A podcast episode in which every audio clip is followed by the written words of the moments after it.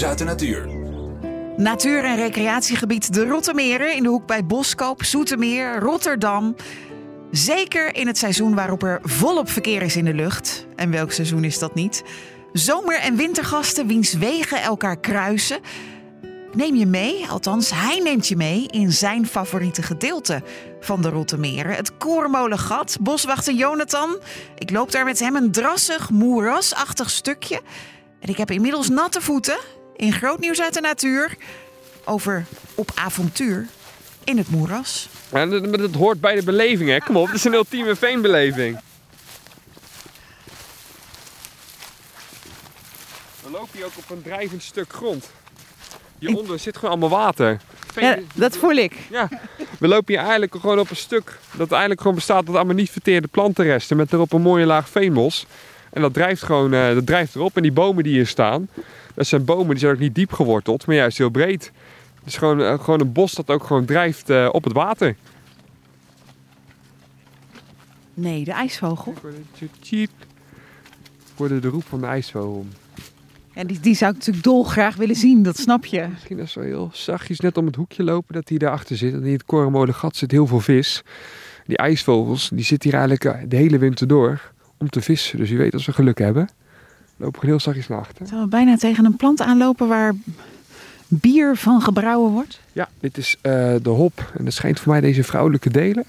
Maar uit de vrouwelijke delen, die gebruiken ze om eh, bier te brouwen. Het ziet eruit als, als een braam, iets groter. Het voelt veel lichter en het is ook lichtgroen. Ja, het, ik, waar, waar lijkt het op? Een soort van omgekeerde lichtgroene bijenkorf. Ja, en we hebben hier ook eh, bitterzoet. En je ziet die oranje besjes daar al. Ja.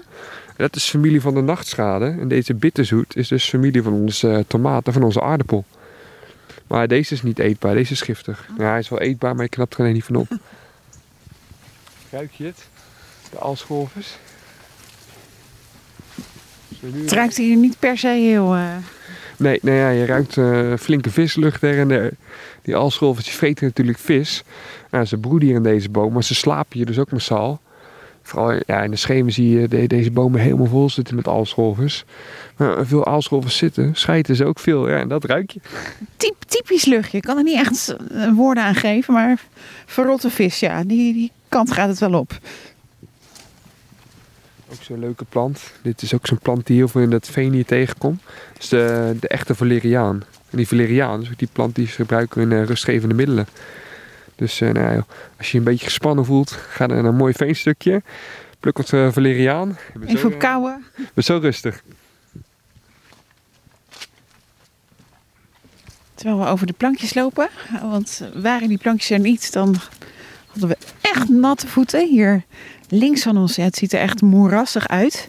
Groen water. En rechts dat hele heldere water. Terwijl je met verrekijker uitkijkt naar de ijsvogel die je net hoorde. Aan het kijken of ik hem kan vinden, maar ijsvogels zijn heel erg schuw. Maar ja, dit hier is wel echt een van zijn favoriete stekjes om te jagen dus. Maar tot dusver lijken we nog geen succes te hebben. Het voordeel is met ijsvogels, ze hebben de laatste jaren flinke klap gekregen. Na een paar jaar terug. Een paar jaar terug hadden natuurlijk echt een flink harde winter. En met de harde winter, nou ja, er sneuvelden heel veel ijsvogels. Want die ijsvogels die zijn afhankelijk van vis. En als alles dicht is, nou, op gek genoeg vliegen ze niet naar het zuiden, maar blijven ze hangen en gaan ze dood. Maar goed, eh, de ijsvogel heeft één eh, karakter. Dat is namelijk in goede jaren. Dus jaren dat, er, eh, dat we zachte winters hebben en goede zomers. Nou, dan heb je, kunnen die ijsvogels echt massaal gaan broeden. En die kunnen soms van mij wel tot drie nesten per jaar grootbrengen. En zo krijgt de ijsvogelbestand krijgt altijd na een harde winter weer gigantische boost. En heeft hij binnen een aantal jaren kan die, die klap weer aardig opvangen.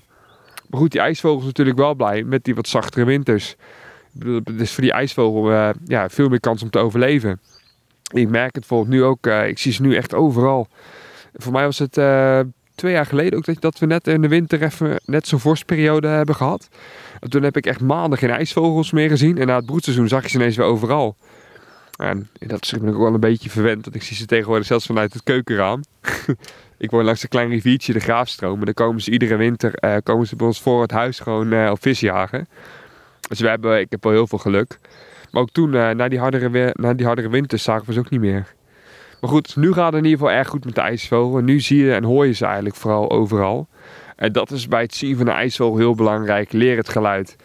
IJsvogels zijn zo razendsnel. Dus meestal hoor ik het geluid en dan kijk ik. En als je, goed, als je snel genoeg kijkt, dan zie je zo'n blauwe flits. Die ijsvogels die vliegen echt... Ze vliegen alsof ze worden afgeschoten. Zo kaasrecht en zo pijlsnel.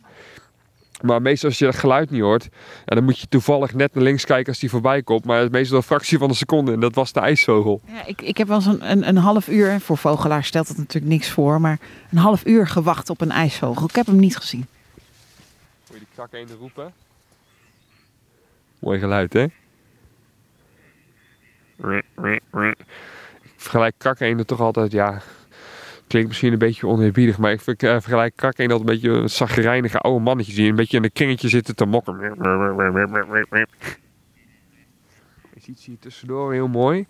Vooral die mannetjes krakeenden, dat zijn echt eenden die zijn altijd een beetje ondergewaardeerd. Op afstand lijken, ze, lijken het grijze eenden. Als je van dichtbij bekijkt, hebben ze zo'n mooie verfijnde tekening op die rug. Een hele mooie zwarte reet. Wat heel erg goed opvalt als je, als je ziet vliegen, is die mooie witte spiegel in de, in de vleugels. Dus je al een hele mooie witte vlek. Hiervoor, ja, volgens mij is het een aantal mannetjes die uh, toch nog enige vorm van hormonen hebben nou. Ja, het was een uh, mooi avontuur. In het moeras. Met boswachter Jonathan. Zien in nog een podcast?